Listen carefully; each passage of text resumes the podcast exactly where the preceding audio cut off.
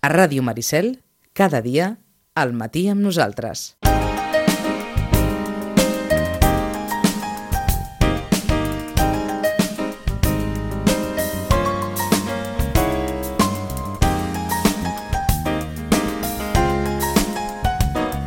Doncs una nova hora d'Europa amb eh, l'espai mensual amb el suport del Consell Català del Moviment Europeu i la col·laboració d'Eurolocal. Joaquim Millan, bon dia. Molt bon dia. Uh, anava a dir, estem tan dintre del bosc, com aquell bosc que dibuixa també en Batllol i l'avantguàrdia, sí. que gairebé no, no veiem l'horitzó.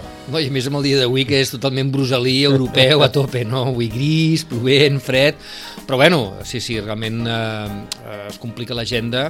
Ja, ja sabíem que aquest any 2018 seria un any de 2018 eh, a nivell europeu també, eh? però bueno, també ho veiem des del context actual català, encara que sigui el monotema, però clar, com que tot el dia estem parlant de Brussel·les, pues, què diu Brussel·les? Els que estan a Brussel·les, a Brussel·les no sé què passa, reunions a Brussel·les, també és veritat que hem, hem, hem normalitzat a, a, a, la ciutat de Brussel·les i Europa d'una manera molt clara en el nostre dia a dia. Però els, sí que és veritat que... Els de Brussel·les estan a Brussel·les, però no, no està visualitzant-se molt la relació d'aquests de Brussel·les amb les institucions europees, ni, ni amb res. Eh? Això és una altra cosa, perquè, perquè entraríem també... estan a Brussel·les com si estessin a Praga. No, totalment d'acord, perquè entraríem també en aquest 2018, que ja veiem que és un 2018 on els europeistes de tota la vida intentarem, eh, especialment perquè el 2019 tenim eleccions una altra vegada al Parlament Europeu eh, i tampoc pot ser que el Parlament Europeu el 2019 sigui un, Euro un Parlament Europeu cada vegada amb més euroescèptics, que és el que està passant amb les darreres eh, eleccions europees, treballarem una mica al tornar a recuperar la il·lusió per una ànima, per uns valors que hem de reconèixer que s'han perdut els últims anys. De fet, a vegades que jo que vaig als instituts em trobo amb la generació que gaudeix més d'aquests drets de ciutadania europea amb l'Europa menys sexy de tota la història. I això és un contrasentit, però és la realitat del nostre dia a dia. Doncs eh, anem ràpidament a saludar eh, a un dels nostres eh, tertulians habituals en aquest espai de l'Hora d'Europa, el president del Consell Català del Moviment Europeu, el senyor Xavier Ferrer. Eh, senyor Ferrer, bon dia. Bon dia. Um, si us sembla, farem una cosa avui. Com portem tant, tants mesos que, que anem trucant i preguntem com està tot, i, el, i bé el tema, i el tema, i el tema, avui, eh, avui ho agafarem al revés. Um, ahir feia un article al, al Punt Avui, ens ho ha, eh, ens ho ha comentat en, en Joaquim, al voltant de l'economia, que no deixa de ser el vostre tema eh, en què dèieu algunes coses molt interessants, com que mm, doncs això, que l'economia eh, està creixent a nivell mundial, la, eh, la Unió Europea també ha tingut índexs eh, positius de creixement, però, però això no es nota. Sí, sí, és així. O sigui, les dades fredes i consensuades per, per, per tothom, de que sobre valorar l'evolució de l'economia, doncs donen que, que la zona euro ha crescut un 2,4, que el món ha crescut un 3,1%, que els països emergents, Xina, Índia, doncs, segueixen creixent per sobre del 6%, Turquia, doncs, també, eh, i que l'estat espanyol ha crescut un 3,1% i Catalunya un 3,3%.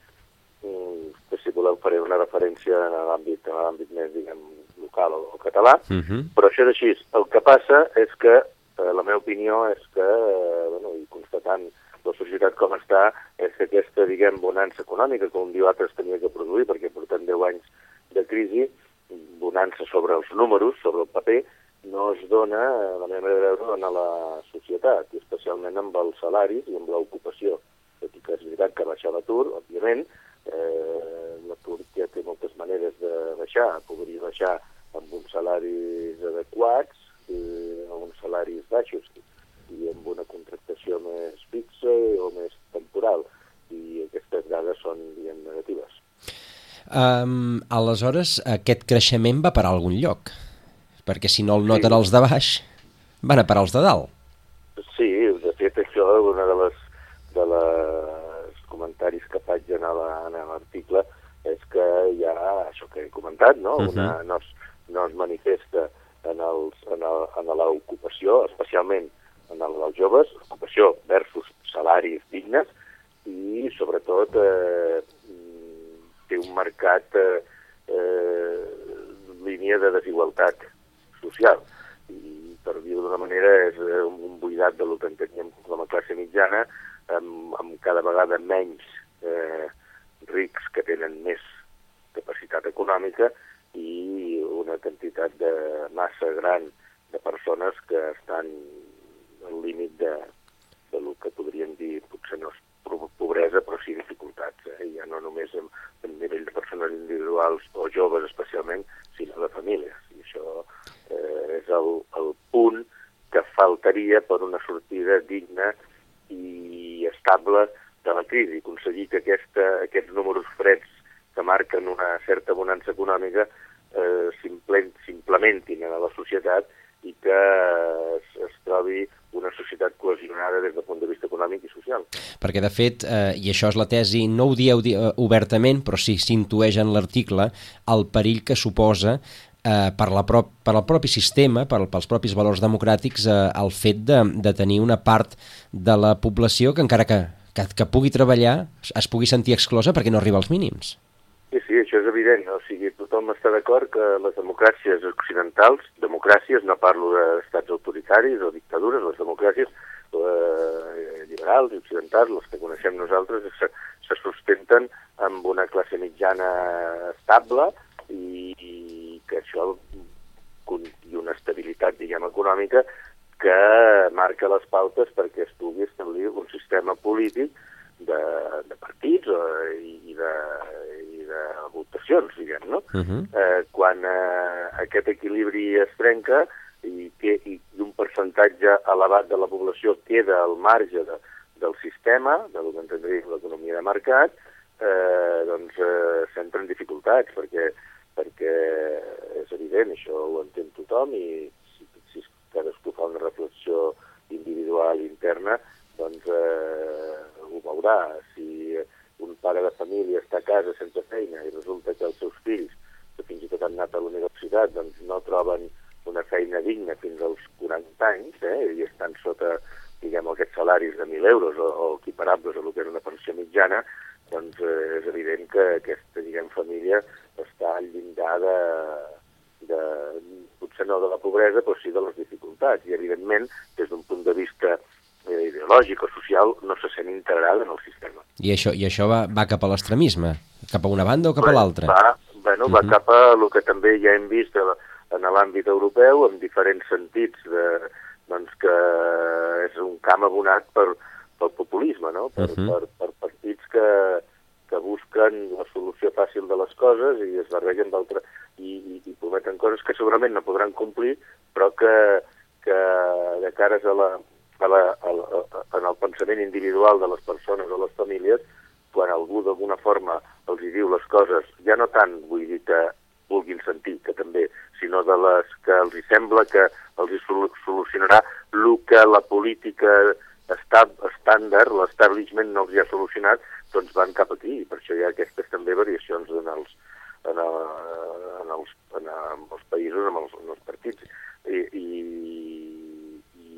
hem vist, per alguns casos, que la majoria de partits, quan afronten aquest govern, quan afronten no repeteixen el govern, perquè hi ha aquesta certa inestabilitat. Això és una cosa que, a veure, no, ja se sap, ja és així, eh, i s'entén. El que passa que no té solució fàcil, perquè s'han de fer reformes, s'han de fer canvis estructurals, i en democràcia els canvis estructurals, eh, com que normalment superen el que és una legislatura, són difícils de fer perquè normalment paga les conseqüències el partit que està en el govern, no? I una de les funcions dels partits, que no hauria de ser la que diré, sinó que és, és treballar pel bé de la societat, també és continuar governant. Uh -huh. I, I això vol dir que a vegades no es fan les reformes que, tot i que se sap que s'haurien de fer, però que... No s'acaben fent. Ja, ja en farà una? Uh, una, una darrera, sabem que teniu, que teniu pressa, però un comentari que ens, heu, que ens heu deixat i que també apuntau en el vostre article. El PIB català va créixer dos dècimes més que el PIB espanyol durant l'any passat, és a dir, enmig de la crisi política més important de, de, de les, dels darrers eh, gairebé mig segle a Catalunya, eh, i malgrat que es deia que havien marxat 3.000 empreses i, i, que, i que res, i que no hi havia manera de, de treure res a fora i que hi havia un boicot i no sé quantes coses més, Catalunya crescut més que Espanya. Com s'explica? Sí, bueno, perquè també estem en aquests, això, no?, les dades fredes, i a més és evident que, que tot, tot, durant tota aquesta etapa del procés eh, en, en diferents bandos. Eh? O sigui, sempre la, la informació és, és interessada i, i, el, i el paper ho, ho aguanta tot i segurament la, totes les, les exposicions que es diuen o les informacions per la propaganda que es fa té algun punt que és veritat, però en funció de lo que s'acaba dient no és del tot veritat. Eh? Uh -huh. I llavors doncs, passa això, que, que, que, que es constata de que la crisi, o sigui, tota la realitat política de Catalunya pot haver hagut algun sector que ho hagi patit més o menys, però amb els números freds que serveixen per comparar-ho tot, eh, tot i que té les crítiques que he fet en aquests comentaris, no? de que no, doncs, eh, resulta que es creix més que la mitjana de la zona euro i, i que la mitjana de l'estat espanyol. Uh -huh. Per tant, eh, aquí la, la, la, el, resultat final seria, de, de dir, la conclusió final seria que el procés no ha afectat a l'economia de Catalunya, o com a mínim no l'ha afectat com eh, interessadament eh, sovint s'ha dit.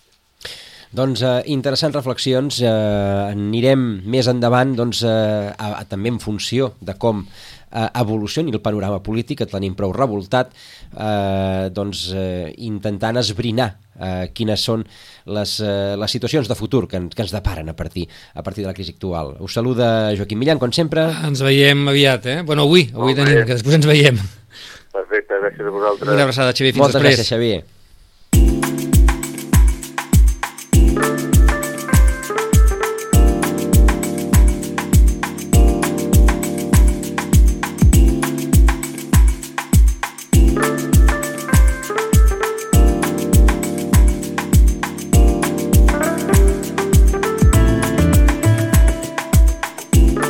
Bé, interessants com a mínim reflexions econòmiques. Eh, en el fons, és allò, és allò que va dir Clinton tan encertadament en una campanya electoral. És, és l'economia, estúpid. Eh, clar. Bueno, un italià que diu manque, manque la política, l'economia funciona, no? Sí. A Itàlia, durant molts anys, va haver-hi aquell, aquella disbauxa política eh, de, de cinc partits al govern, no sabíem, ja, ja no sabies qui governava i amb qui, com i quan, i la política funcionava, especialment eh, la, la part més important de, de les ciutats eh, econòmiques, Milà, Roma, etc. I, i, i el país funcionava. Allò que deies, manca la política, el país funciona, saps? Espanya va estar sense govern ben bé un any. Correcte. Eh, Bèlgica més d'un any va estar sense govern, o més o menys al mateix temps que, que Espanya. Sí, no sé, no sé sí. si al final Espanya va superar Bèlgica. No, bé. Bèlgica va superar Espanya i per, per, per pocs mesos, per poc, eh? Però sí, sí, per sí. Poc. A Catalunya porta sense govern des, de, des del 27 d'octubre, sense un govern efectiu, més enllà de qui vulgui considerar els de Brussel·les com a govern legítim, eh? però allò, eh, govern que pugui governar, no, governar sí, no sí, en sí, té, no, no perquè, té, no té. perquè els de Madrid tampoc es pot dir que siguin eh, un govern. Venen uns secretaris d'Estat aquí, donar quatre instruccions i prou. Per tant, eh, al final no fan falta tants governs o què? No, bueno, de fet ara quan començaves tu explicant doncs, els mesos que aquí a Espanya no va tindre govern entre les primeres eleccions eh, que es van produir pel senyor eh, Rajoy que va guanyar però no va trobar i es va convocar unes altres que llavors es va trobar molt normal tot això i durant uns mesos no va haver-hi govern i de fet quasi quasi molta gent deia estaven bé eh, sense govern perquè no, no, no, entre altres coses perquè ningú s'atrevia a dir segons què i a fer segons què i, i a vegades doncs eh, jo sempre he dit que jo que vaig estar en una època a, a la política local sempre vaig dir que en política els pitjors gestos són els innecessaris i aquí tenim fa molt de temps una sobreactuació de gestos innecessaris per tothom eh, que no aporten res a la societat eh? Vull dir, per tant eh, doncs en clau a vegades inclús de política interna d'un partit concret on hi ha unes disputes concretes i per tant eh, eh, vull dir, porta la disputa a l'escenari mediàtic que també és veritat que també està sobredimensionat és a dir, acabem a vegades llegint un titular als mitjans de comunicació i li donem una importància que, que poder a, a, a, efectiva que no té eh? vull dir, ho veiem també en l'àmbit de l'esport, per exemple, eh? per posar un cas que no té que veure amb la política, on moltes vegades la dimensió de lo mediàtic eh, fa, i les xarxes socials, etc fa que es faci una pilota o una bola d'una cosa que poder al final és molt més senzilla de resoldre o és molt més senzilla d'entendre. No? Per tant, jo penso que també estem en una, en una època eh, on la, la, la sobredimensió de, de lo que està passant als mitjans de comunicació i especialment amb tot el que és les xarxes socials fan que moltes vegades perdem el fil de lo realment important Eh? I passa a les relacions personals, passa ara, per exemple, avui llegia tot el tema de, del Piqué i al final sembla que, escolta'm, només hagi passat això i en política fa molt de molts mesos que ho estem veient i, i, i això fa mal, fa mal a les pròpies institucions, no s'han de donar en compte eh, els polítics que això fa mal a les pròpies institucions i després s'estranyen que ja no hi ha una llunyania de la ciutadania envers a la política o als partits, sinó que en aquests moments estem ja realment en una llunyania de lo que és la part institucional. Tu parles amb la gent i ja no és aquest partit o aquest polític, sinó la, la desaprensió, la desconnexió amb tot el que és l'aparell administratiu institucional d'un estat de dret.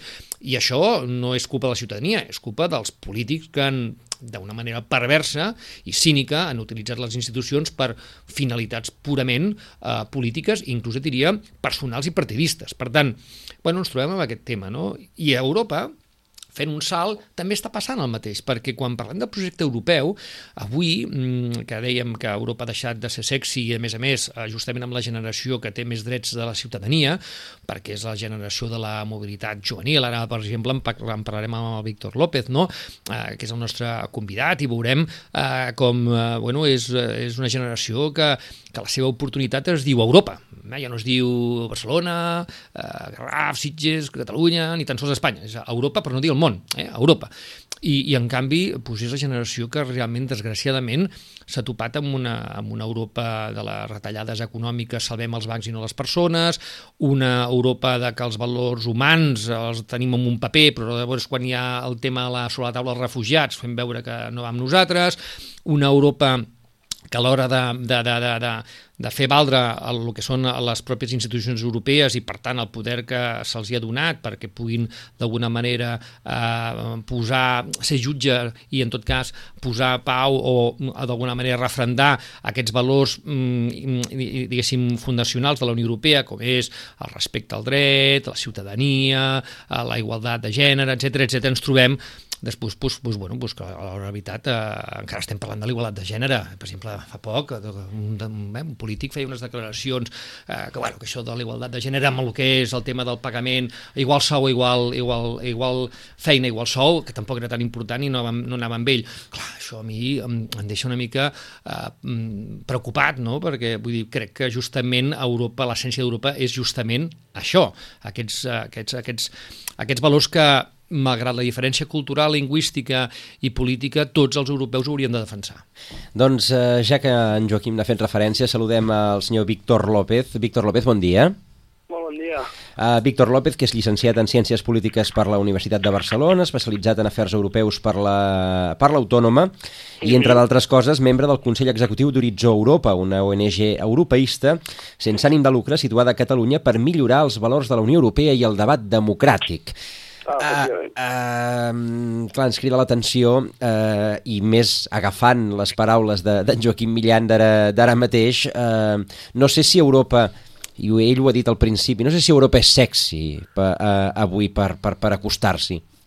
Uh, bueno, un projecte mai és sexy si no sap on va. Uh mhm. -huh. I la Unió Europea té aquest problema.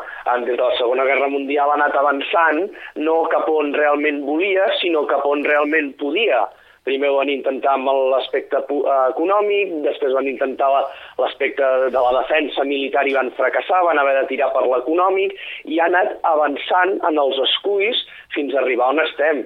Uh, ara es parla molt, o sempre s'acostuma a dir que Europa és un model d'èxit o un projecte d'èxit.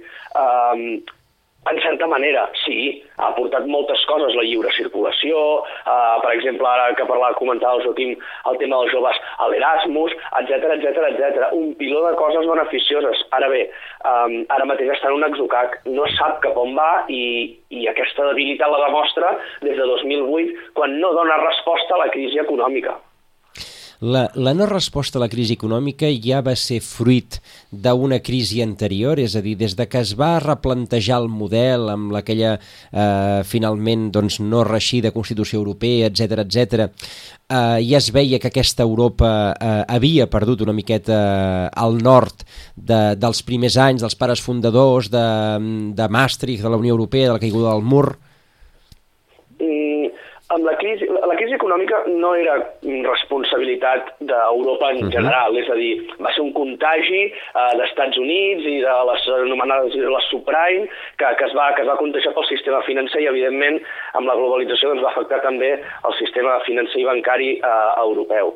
Però la crisi econòmica de 2008 i que encara, encara alguns no ho diguin, encara dura i encara té els últims coletazos, eh, el que va posar en evidència a la Unió Europea és que els fonaments de la Unió, del Tractat de Maastricht i de la reforma de Lisboa, realment no estaven tan forjats.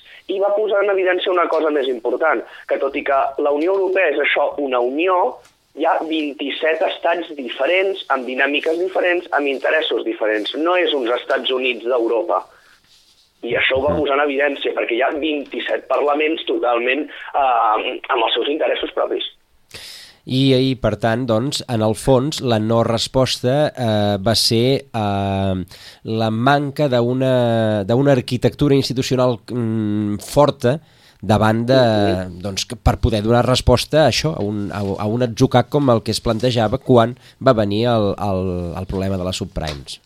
Uh, efecti efectivament, uh, com deia abans, a la part econòmica s'han fet molts avenços, moltíssims, a l'hora de el mercat comú, la unió duanera, etc etc. És a dir, potenciar una economia europea en el sentit continental.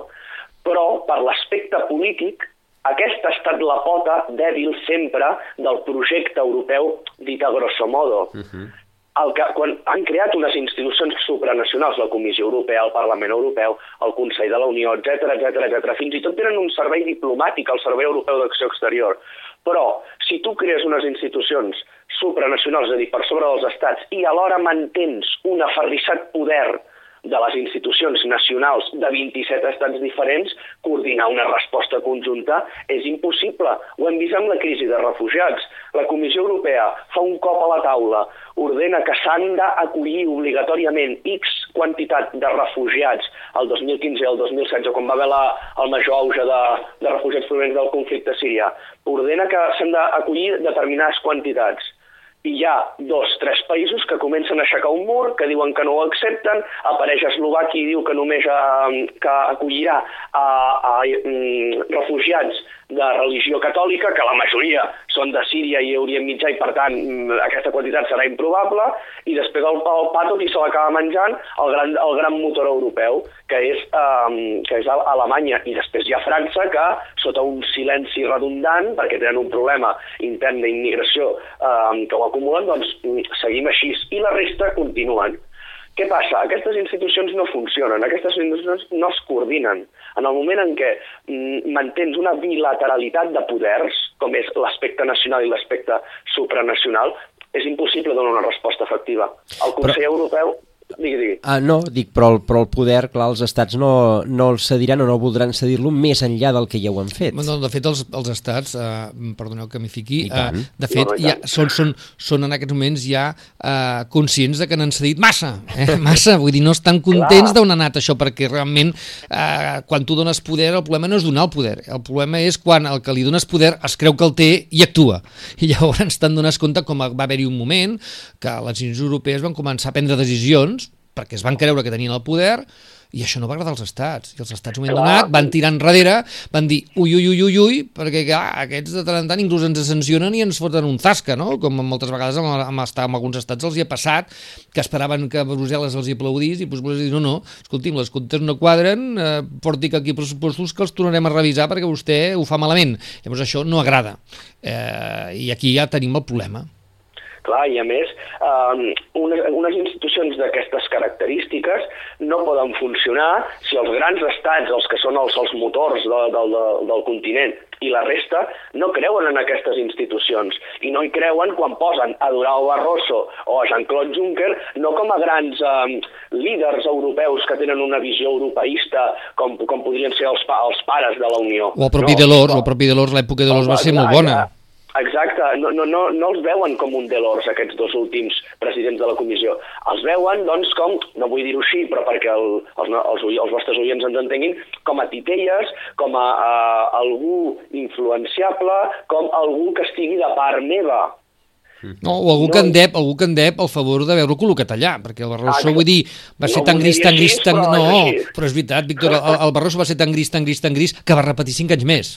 Clar, bueno, clar, és que de, lo malo pues tiremos para adelante y ya veremos, clar. Ah, per aquest, va, aquest va ser el problema, però el, i el problema principal que veig jo, almenys des del meu punt de vista, eh, i dels, dels meus coneixements, que són bastant més limitats que els que pot tenir potser en Joaquim, eh, però um, des del meu punt de vista, el problema és que fins que els estats europeus no se n'adonin que viuen en un món multipolar, és a dir, on hi ha molts poders, on la multilateralitat, és a dir, on el treballar conjuntament és necessari, i que, per tant, ells, com a estats que són relativament petits davant una Rússia, davant una Xina, davant un Brasil, davant un potent Sud-àfrica al continent africà, davant d'uns Estats Units, davant un Japó, fins que no se n'adonin que no podem competir sols, separats, en, un, en l'ordre internacional, establert en la comunitat internacional, i per tant que la Unió Europea és el canalitzador per aconseguir els objectius socials, polítics i econòmics de tots els estats europeus, fins que els estats no entenguin això, no progressarem. I ara és aquí on tenim el debat, i és aquí on el president Macron intenta fer determinades propostes, no totes encertades, no totes amb aquesta visió de la gran Europa, um, però ja veurem. Però fins que no se n'adonin d'aquesta necessitat de treball conjunt i de respectar al cap i a la fi les institucions, i si les respectes, per tant, i treballes conjuntament, fins que això no passi, mm, el projecte europeu està en un atzucat. No, i a més a més una altra cosa, vull dir, aquí ara estem parlant de la, de la diguéssim, del nucli dur de lo que és eh, a les institucions, els líders polítics, etc. Però, eh, aviam, parlem de la ciutadania. La ciutadania no és conscient de que eh, hem viscut en una Europa després de la Segona Guerra Mundial fins ara amb unes, una àrea privilegiada comparativament amb altres àrees al món, i això s'està perdent. I això no som conscients. Encara vivim una mica, som europeus, que guais, que eh, wonderful, eh?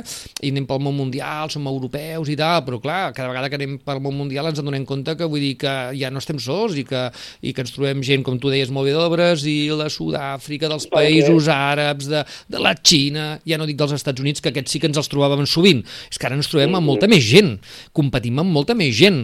La Champions League ja no només la guanya Washington o Brussel·les, és que la pot guanyar Pequín, eh, la pot guanyar Sao Paulo, la pot guanyar... I a més estem també amb un altre canvi eh, de que els estats estan deixant eh, que el pes, eh, diguem-ne, del lideratge econòmic, social, la innovació, eh, si, recaigui en les grans ciutats. I aquest és un altre, un altre debat que tenim, és a dir, el, el, el com s'estava organitzant el poder institucional per, eh, d'alguna manera, organitzar un territori amb ciutadanies, que era els estats amb una capital, això està començant a estar obsolet. Mm -hmm. I aquest és un altre problema que tenim a, a, arreu, eh? vull dir, les, són les grans ciutats. Parla... Tu quan parles amb la gent dius, on vas? A Barcelona. No et diuen, vaig a Espanya, o, ni tan sols, vaig a Catalunya, vaig a Barcelona. On aniràs de viatge? A París. I et vas on estaràs? A Milà.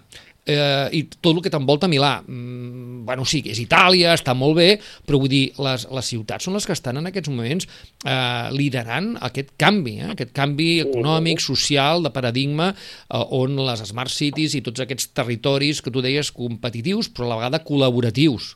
I això ho veus. Clar, aquest aspecte que comentaves de la ciutadania és interessant perquè Bé, els tractats de la Unió Europea recullen el concepte ciutadania europea, però no va més enllà dels ciutadans que són membres eh, dels estats que formen part de la Unió. Però mm, és interessant aquest concepte de ciutadania europea perquè fins als anys 90, fins a mitjans finals dels anys 90, aquest concepte ni existia ni s'esperava, almenys de forma generalitzada en la societat, eh, en la societat dels països europeus, perquè no hi havia una vertadera unitat. Ara que hi ha una vertadera unitat, en, tots, en la majoria d'aspectes, excepte en aquest que comentava tan polític, però també hi ha un ens polític i hi ha aquesta sensació d'unitat, ha passat tan desapercebut, tant, que les generacions que estan pujant, entre les quals les meva, la meva, um, no se n'adonen realment d'aquesta ciutadania europea. És normal poder creuar els Pirineus sense portar Correcte, correcte. És Ho has- normal ho heu normalitzat, ho heu un altre- normalitzat. Clar, ho hem normalitzat, però no ho hem interioritzat. No, no, perquè eh, us ho, us heu trobat fet, millor, pitjor, però us heu trobat Ah, fet. exacte. Víctor, No tu quan, quan vas de vacances eh, mires preus i eh, compares i dius, bueno, AVE, eh, Barcelona-Sevilla, 120 euros, Ryanair, Barcelona-París, 60 euros, agafes i te'n vas a París. Però ja, ja no, no penses que estàs travessant la frontera, vas a un nou país, no, no, pensant, bueno, eh, què, què és més econòmic? I a més, a més no s'han de canviar francs, com abans. Clar, per això et dic, Clar, passaport... ha la, la, la unió monetària, pots treure diners des de qualsevol lloc, pots trucar des de qualsevol lloc, el teu internet ara és igual amb la suspensió del roaming. Clar, En, en, ens ha vingut tot donat i no hem, hem, ho hem acceptat, perquè és fàcil acceptar aquestes coses quan et donen donades, però no hem interioritzat el fet de dir, ei, ei, tenim una bandera comuna, eh? Heu, heu plantejat, eh, tant un com l'altre, dos, dos aspectes com a mínim eh, interessants. Jo els deixo aquí apuntats si, si voleu comentar-los. Per una banda, a, a partir del que, del que comentava el Víctor, eh, els països de la, de la Unió Europea eh, diguem, per jugar a la Lliga Mundial són països petits. Eh, hi ha dos països que, que ocupen seient al Consell de Seguretat, que són França i, i Gran Bretanya, i, i Alemanya, que no deixa de ser un motor econòmic, però, deixa, no, però són països petits en, en l'escala mundial. I un d'aquests i un d'aquests ha decidit marxar del club, que és Gran Bretanya, d'aquests tres que he esmentat. O sigui I que, a més, perdona, són estats, aquests tres estats, en retirada. sí, La seva època de grandesa està acabant. Perdona, eh. No, no, eh, és a dir, eh, eh, en el fons mm, no sé, no sé fins a quin punt eh, des d'aquests estats eh, doncs s'entén eh, i, i, i aquest aspecte que apuntaves ara, ara en la teva rèplica eh, aqu eh, aquesta situació en la que de futur de, amb la que es trobaran probablement. Uns estats petits en retirada un marxa perquè no vol, fer, no vol formar part del club perquè li veu hi ha una part de la població que li veu més desavantatges que, eh, que beneficis. Això per una banda. I una altra, una, una qüestió que, que apuntava en Joaquim, quan has parlat de les, de les ciutats, que eh, també hi ha, hi ha un debat obert sobre si eh, anem cap a un futur on les relacions s'estableixin a nivell de ciutats. Eh, Munic, París, Londres, Milà, Barcelona, eh, més que no pas a, a nivell d'estats, de, que se superi, diguem, el, el paradigma de l'estat-nació. Mira, et contestaré l'última. Les grans empreses, les grans multinacionals, quan miren el mapa, miren ciutats, no miren estats. L'únic que miren Però és que, però- miren és que dir, en aquest estat hi ha una certa seguretat jurídica, una mica pac social i tal. Sí, llavors els importa un pito. A quina ciutat ens col·loquem? I miren la ciutat on volen anar, amb tot el que suposa la ciutat. És a dir, per què Barcelona està, eh, diguem-ne així, com diria eh, popularment a, a, a la gent jove, eh, Víctor, on fire? Perquè no és només la ciutat, és la ciutat i tot el seu entorn, la seva situació eh, geogràfica, el que s'ha treballat molt des dels Jocs Olímpics del 92, que va ser el gran, la gran oportunitat que Barcelona va saber aprofitar, com altres ciutats han organitzat els Jocs Olímpics i no ho han aprofitat, Barcelona ho va saber aprofitar, i és un cas d'èxit amb, justament amb això. Eh? Per tant, bueno, vi- vivim d'aquell moment i d'aquell moment l'hem sabut treballar fins avui i seguim estant reinventant-nos eh, constantment. I per tant aquesta és la grandesa de la ciutat. La gent, malgrat el procés tinc grans amics que venen d'aquí a viure aquí i, i no es marxen d'aquí perquè mm, volen estar a la ciutat volen estar a aquest entorn de, de, de, de, de, a prop d'un aeroport que pots anar a qualsevol lloc, dels Pirineus, del mar, es viu bé, malgrat avui la pluja normalment eh, pensem que el dia d'avui és molt normal en moltes ciutats europees durant molts dies, eh? per nosaltres això, uau, es porten tres dies plovent, eh? uau, un crisi, no? Eh, per tant, realment també això afecta eh? les relacions personals, etc etc i, i, i la manera de fer negocis, avui no és només fer negocis, és la manera de fer-los, com els fas, amb qui els fas, de quina manera els fas? I per tant això també nosaltres estem aportant molt eh, aquest know-how eh, molt, eh, com deia el Víctor abans eh, aquí hi ha molta, molt multidisciplinar i, i molt pluri, pluricultural i plurilingüístic, cada vegada molt més, m'entens? I en quant a el que tu deies, jo me'n recordo, no sé si el Víctor eh, que en sap molt més que jo, jo tinc més anys, Víctor, però tu en saps més que jo. Eh? Eh, eh, L'experiència també és un grau, eh? però eh, de coneixements en Víctor en supera. Eh, dic, jo me'n recordo una vegada una anècdota que em van estar explicant, justament quan el senyor Juncker era president en aquell moment, eh, de, de, de, bueno, era cap de govern de, de, de Luxemburg i a la vegada Luxemburg presidia la Unió Europea, saps que cada sis mesos hi ha un estat que la presideix, i en aquell moment va haver-hi una reunió que de tant en tant es fa bilateral Unió Europea-Xina.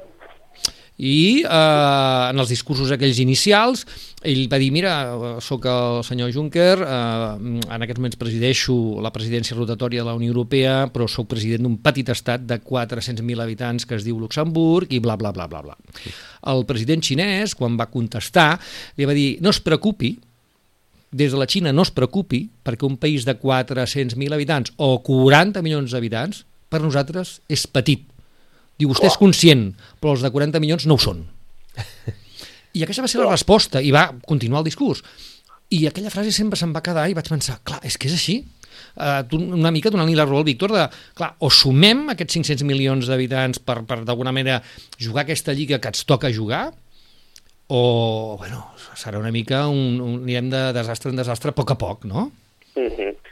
Uh, pel tema de les megaciutats, de les ciutats que comentàveu abans, uh -huh. uh, hi ha diversos teòrics i, bueno, i diverses previsions de creixement que auguren que les, les grans ciutats, les grans capitals mundials que ara coneixem, en 10, 15, 20 anys, seran ciutats de més de 10 i 20 milions d'habitants, que és el que s'anomenen les megacities, les megaciutats.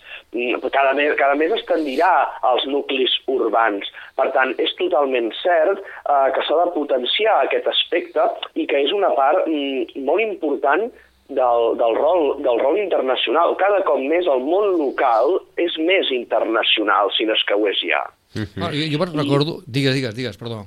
No, no, i després l'aspecte aquest que deia, que deia el, el company eh, respecte a la, als grans estats europeus i també amb el que comentaves tu del tamany dels estats, que no és sempre la població, sinó el seu potencial, eh? perquè, per exemple, Àustria té, em sembla que 8 o 11 milions d'habitants, no em sembla que no arriba als 10 milions d'habitants, i escolta, la seva posició és geoestratègica, no forma part de l'OTAN i tot i ser un país petit, és potent.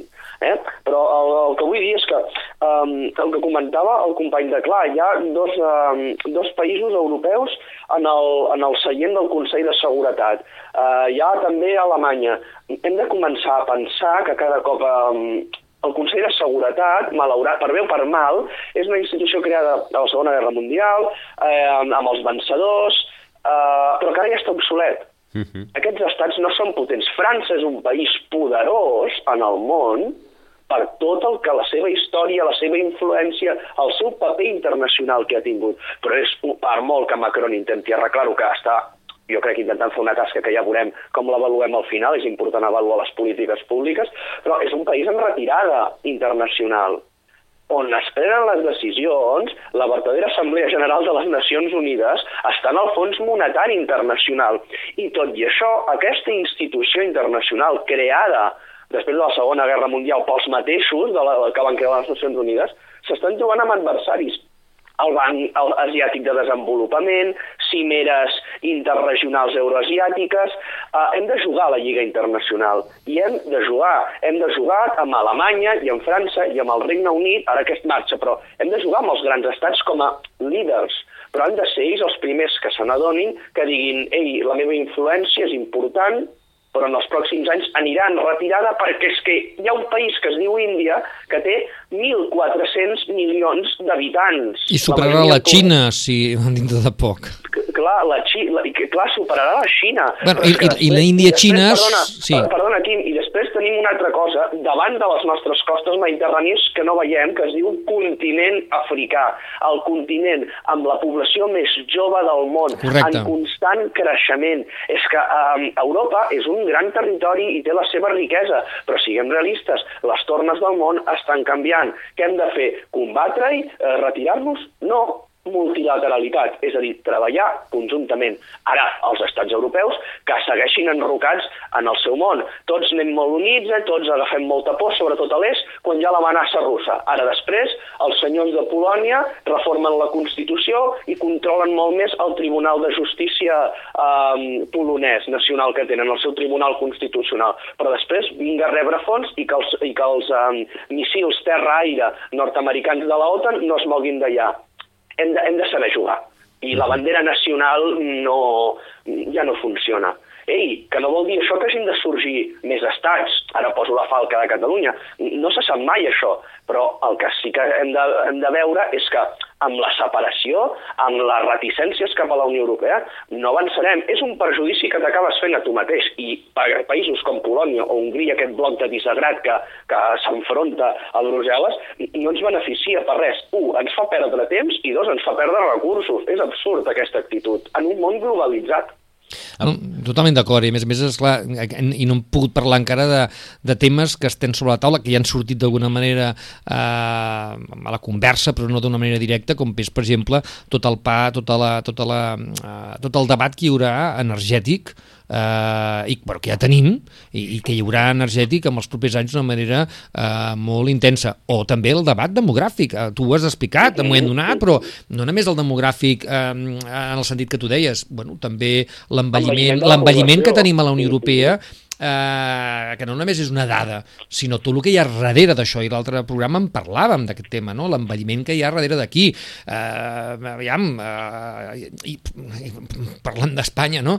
Vull dir, nosaltres som el segon, el segon el país del món amb, amb esperança de vida després del Japó, és a dir, vivim més anys, això està, està, està estupendo, però després resulta que som el, el segon país amb una taxa de natalitat més baixa i ens guanyen a més el Vaticà. Per tant, eh, eh comencem a tindre... Sí, no és així, és, és, no, no, no és broma, és que és la, la realitat. I per tant, sí, vull sí. dir que aquest és un altre debat que també haurem de, de saber, com tu deies molt bé al principi, jo agafo la teva frase, Víctor, a Europa estem en un moment donat on no sabem on anem, i clar, és molt difícil fer un d'un projecte que sigui sexy si no pots vendre cap on vas, no? Perquè és la pregunta de tothom. Cap on anem, no? A, amb 30 segons, Víctor, perquè se'ns acaba el temps. Molt bé. Um, a veure, la, la, la resposta final o la conclusió per als oients és aquesta. Uh, ara Europa està en cap on anem.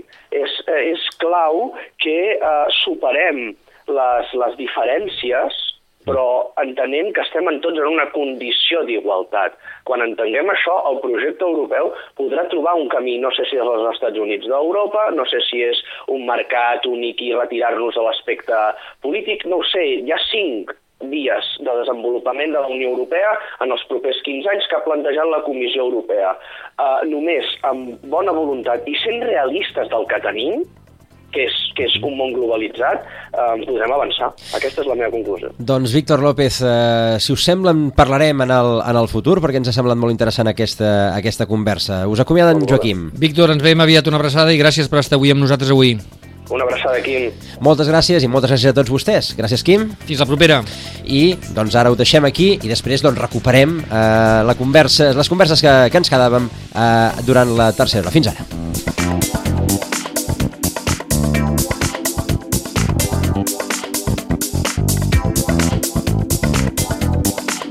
A Ràdio Maricel, cada dia, al matí amb nosaltres.